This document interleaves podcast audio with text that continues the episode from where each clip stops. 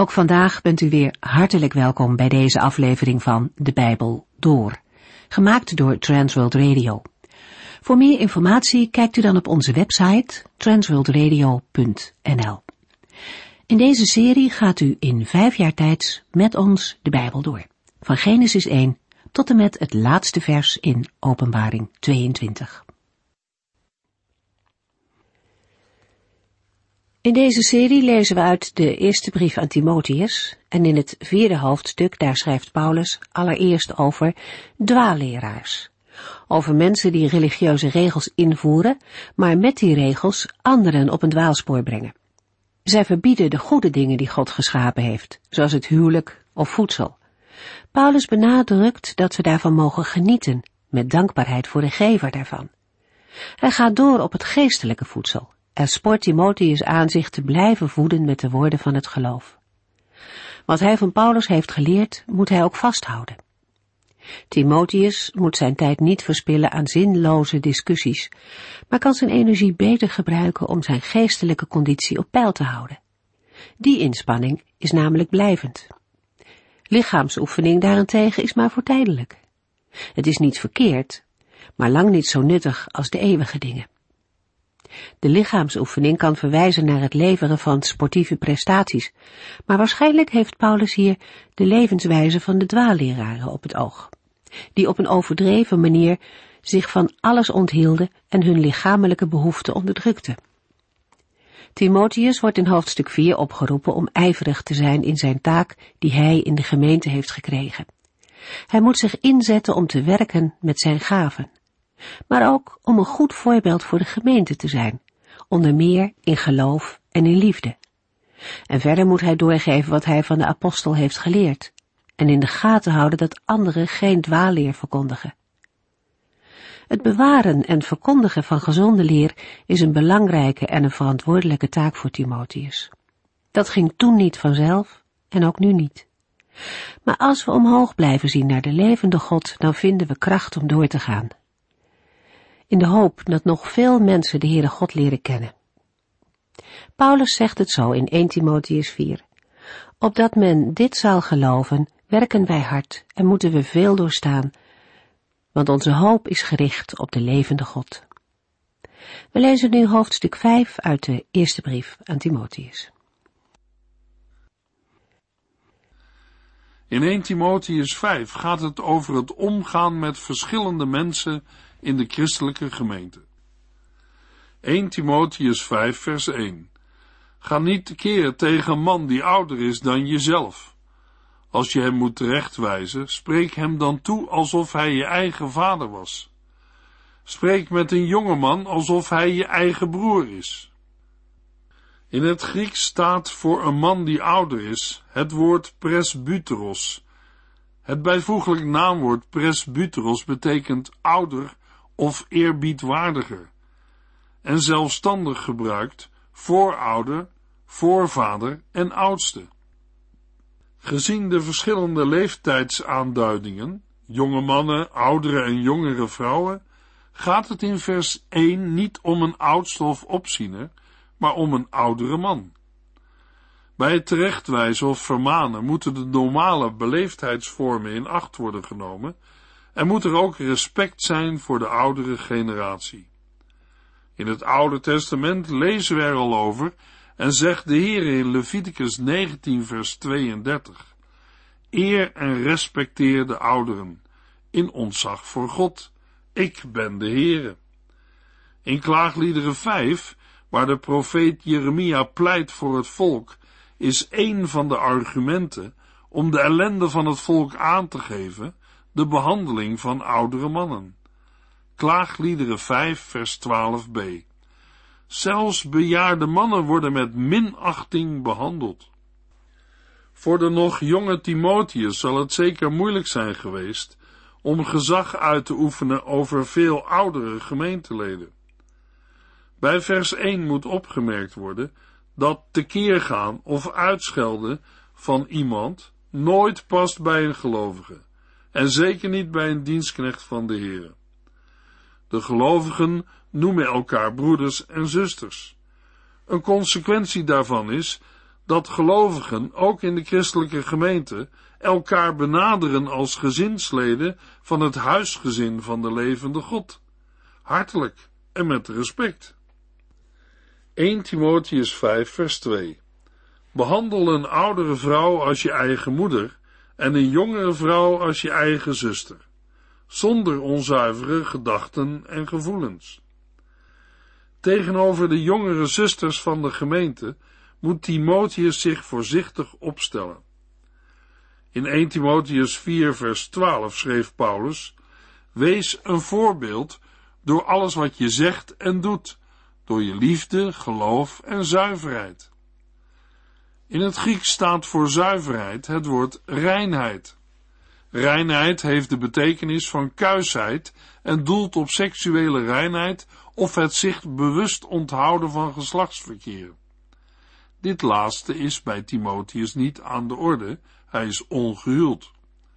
Toch waarschuwt de apostel hem voor een valkuil die in pastoraat en werk in de gemeente van Christus ook vandaag reëel aanwezig is. Timotheus was jong, ongehuwd en een teveel aan hartelijkheid tussen hem en jongere zusters zou tot onreine gevoelens en verhoudingen kunnen leiden, of aanleiding kunnen geven tot praatjes. In dat verband geeft Paulus in vers 14 nadere instructies voor het omgaan met jongere weduwen. In de gemeente als huisgezin van de levende God neemt pastoraat en geestelijke verzorging een heel ander karakter aan en is zij voor iedere leeftijd weer anders van toon. Broeders die in de gemeente van Christus een taak hebben, kunnen verkeerde of ongewenste situaties voorkomen door de vrouwen in de gemeente als zusters in Christus te benaderen. Vinden ambtsdragers dit moeilijk, dan is het gewenst de zusters samen met een andere ambtsdrager te bezoeken, of hun eigen vrouw mee te nemen op huisbezoek. Als de ambtsdrager de te bezoeken zuster ziet als gezinslid van het huisgezin van de levende God, zal hij haar beschermen, helpen en meewerken aan haar geestelijke groei en welzijn. 1 Timotheus 5 vers 3 Zorg voor de weduwen, als zij tenminste niemand anders hebben die voor hen zorgt. Met de aanduiding weduwen wordt in vers 3 een bepaalde groep van weduwen bedoeld. Een groep die ondersteuning ontving vanuit de gemeentekas. In Handelingen 6 komt bij de groei van de christelijke gemeente een probleem met de Grieks sprekende weduwen naar voren. In Handelingen 6, vers 1 tot en met 5 lezen we: Toen er steeds meer mensen bij kwamen die in Jezus geloofden, ontstond er op een gegeven ogenblik ontevredenheid bij de Grieks sprekende gelovigen. Zij klaagden dat de Hebreeuws sprekende het dagelijks voedsel niet eerlijk verdeelden. De weduwen uit hun groep kregen minder dan de anderen. De twaalf apostelen riepen alle gelovigen bijeen. Wij kunnen niet alles tegelijk, zeiden zij. Als wij het voedsel moeten uitdelen, hebben we geen tijd meer om erop uit te gaan en Gods boodschap door te geven. Dat lijkt ons niet goed. Daarom willen wij enkele geschikte mannen aanstellen die deze taak van ons kunnen overnemen.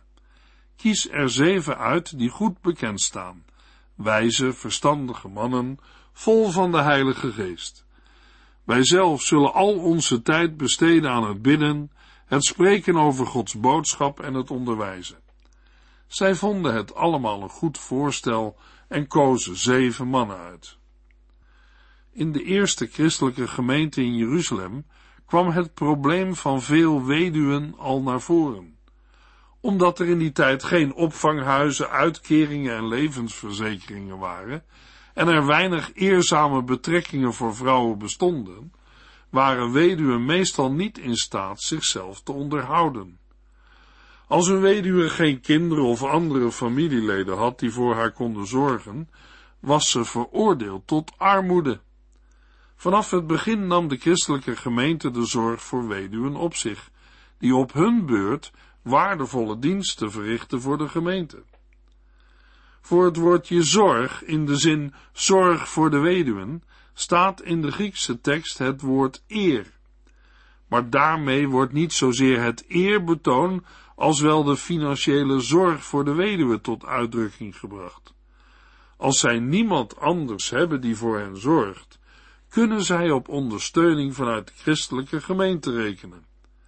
Al in het Oude Testament gaf de Heer instructies voor kwetsbare groepen in de samenleving, vreemdelingen, weduwen en wezen.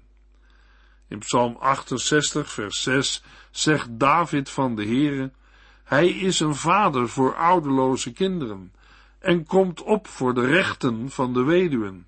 Hij is God die woont in zijn heilig huis. In Psalm 68 vinden we nadere omschrijving van de Heere. Hij is de vader van wezen, de beschermer van weduwen. Weduwen en wezen gelden als degenen die van niemand bescherming ontvingen en daarom speciale zorg van de Heer ontvangen. In Psalm 68 treedt de Heer op als een machtige koning die persoonlijk zorg draagt voor de genoemde mensen. In het vervolg van Psalm 68 staat dat de Heere aan eenzamen een huis geeft en hen die in boeien gevangen zijn, uitleidt. Tegenover deze groep beschermelingen plaatst David de opstandigen en zegt dat zij zullen leven in een dor gebied. Wanneer het land verdroogt, zullen de opstandigen honger lijden. In Psalm 68 lijkt de Heer op een familiehoofd van een uitgebreide familie. Hij gaat voorop en samen met hen trekt hij verder. Het was de taak van een familiehoofd of patriarch om ervoor te zorgen dat iedereen werd beschermd. Daarnaast moest hij maatregelen nemen tegen koppige familieleden en ervoor zorgen dat zij werden bestraft. Hier liggen ook de wortels voor de bediening van opzieners en voorgangers in de christelijke gemeente van het Nieuwe Testament. 1 Timotheus 5 vers 4 Als een weduwe echte kinderen of kleinkinderen heeft, moeten die voor haar zorgen. Zij moeten allereerst aan hun eigen familieleden tonen wat het betekent om met God te leven. Dit zal zichtbaar worden in hun zorg voor ouders en grootouders. Dat is Gods wil en een vreugde voor hem. Een weduwe die kinderen of kleinkinderen heeft die haar kunnen ondersteunen en voor haar zorgen, moet eerst een beroep op hen doen. Daarmee wordt bevestigd dat het om een bepaalde groep van weduwen gaat en niet direct om alle weduwen in de gemeente. Het verzorgen van behoeftige ouders en grootouders gaat terug op het vijfde gebod uit de tien geboden.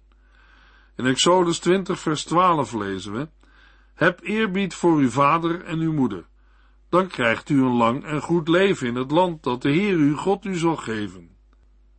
Het eerbied hebben voor je vader en moeder heeft niet alleen betrekking op de gehoorzaamheid van kinderen aan hun ouders, maar ook op het verzorgen van ouders en grootouders als ze oud zijn geworden en hulp nodig hebben.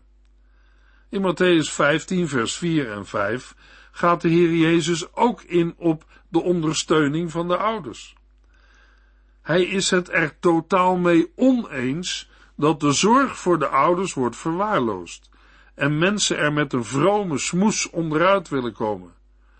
De Joodse leiders hadden namelijk bedacht dat als je het geld wat is gereserveerd voor de ondersteuning van je ouders aan de Here geeft, dan is het niet nodig om je ouders te helpen.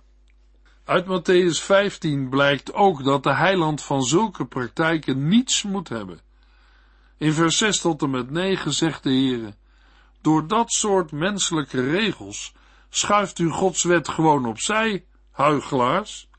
Jezaja had gelijk toen hij over u zei, deze mensen eren God met de mond, maar in hun hart moeten zij niets van hem hebben.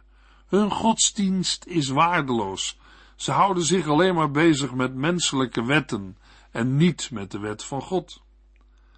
Het vervullen van het gebod voor de ouders en dan ook voor de weduwen is dan ook een uitdrukking van een levend geloof en een leven in gehoorzaamheid aan het woord van de Heere. De apostel Jacobus vat deze dingen kort en bondig samen in Jacobus 1 vers 27. De christen die zuiver is en op wie God onze Vader niets heeft aan te merken, zal wezen en weduwen bijstaan in hun nood. Hoe slecht en vuil de wereld ook is, hij zal zuiver blijven. Het eren van de ouders en grootouders is de Heere welgevallig en zal door hem worden beloond. 1 Timotheus 5 vers 5 Een echte weduwe, die in deze wereld niemand meer heeft, vertrouwt op God en zal dag en nacht zijn hulp zoeken en tot hem bidden. Een weduwe die in deze verse wordt bedoeld, is iemand die geen familieleden meer heeft om voor haar te zorgen. Zij heeft niemand om haar hoop op te vestigen dan alleen de Heere. Bovendien wijdt zij zich geheel aan het zoeken van zijn hulp en gebed. Voortdurend en aanhoudend, omdat ze haar hulp van de Heere verwacht, die zeker haar gebeden zal verhoren. Een voorbeeld van een dergelijke weduwe vinden we in Anna, de profetes, die zich na het sterven van haar man geheel wijde aan vasten en bidden. Opmerkelijk in vers 5 is ook de volgorde van dag en nacht. In de Griekse tekst is het precies andersom, namelijk nacht en dag. Dat is geen toeval of een schrijffout, maar komt uit het Hebreeuws. In het Jodendom begint de dag op de voorafgaande avond. Tegelijk blijkt uit de woorden nacht en dag dat de vroege kerk grote waarde hechtte aan gebed. Zowel van de Heer Jezus als van Paulus weten wij dat zij dikwijls de nacht in gebed doorbrachten. 1 Timotheus 5 vers 6 Maar een weduwe die er maar op los leeft, is levend dood.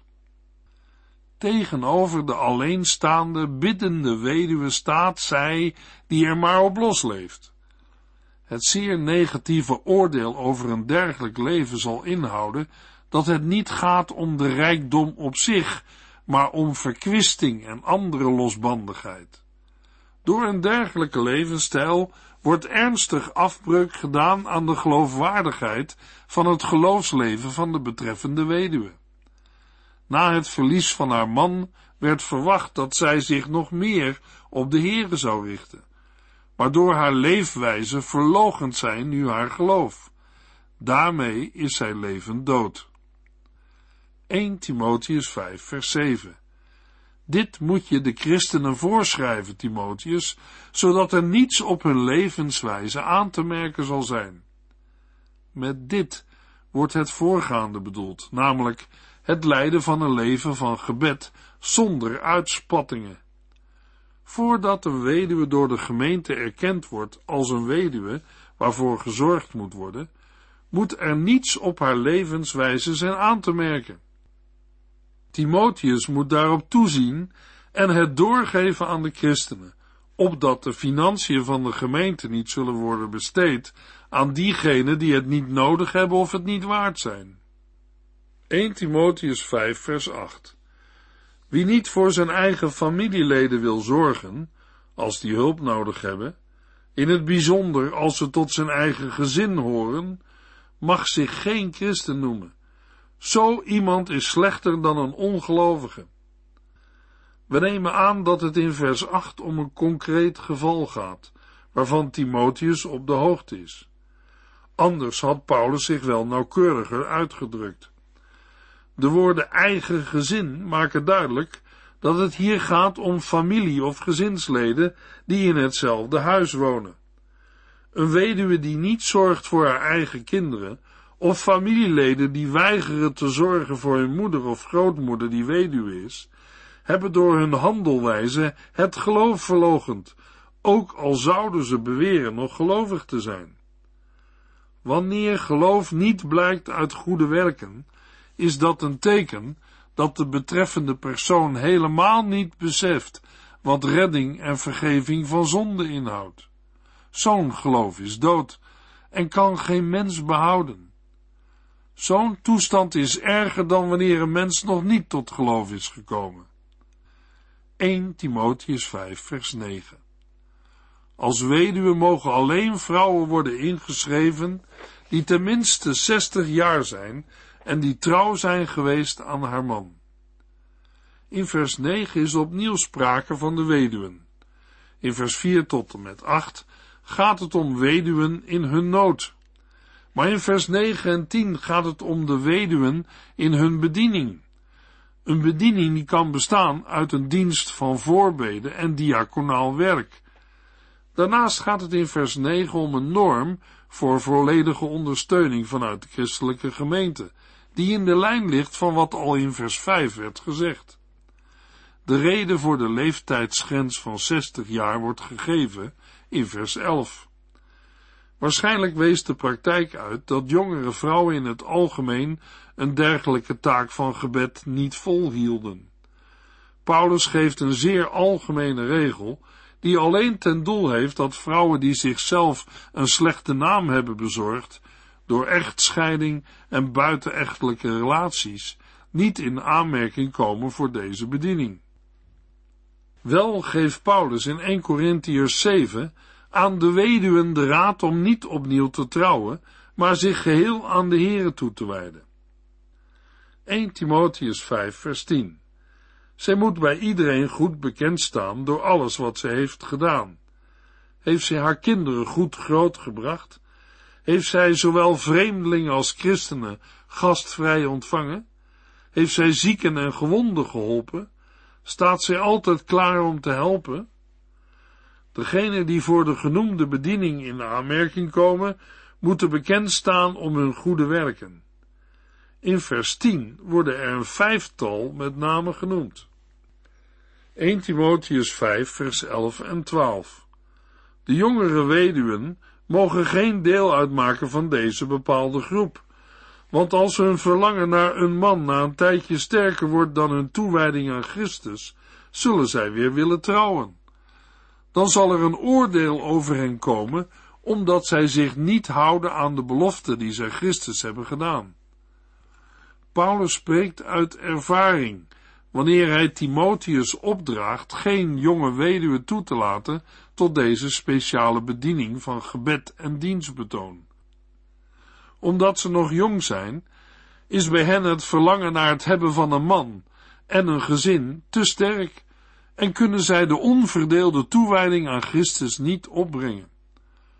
Op zichzelf is er geen bezwaar tegen een nieuw huwelijk.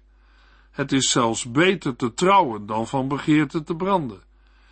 Maar blijkbaar beloofden weduwen dat zij in ruil voor de financiële ondersteuning voor de christelijke gemeente zouden werken in de speciale bediening van gebed en dienstbetoon.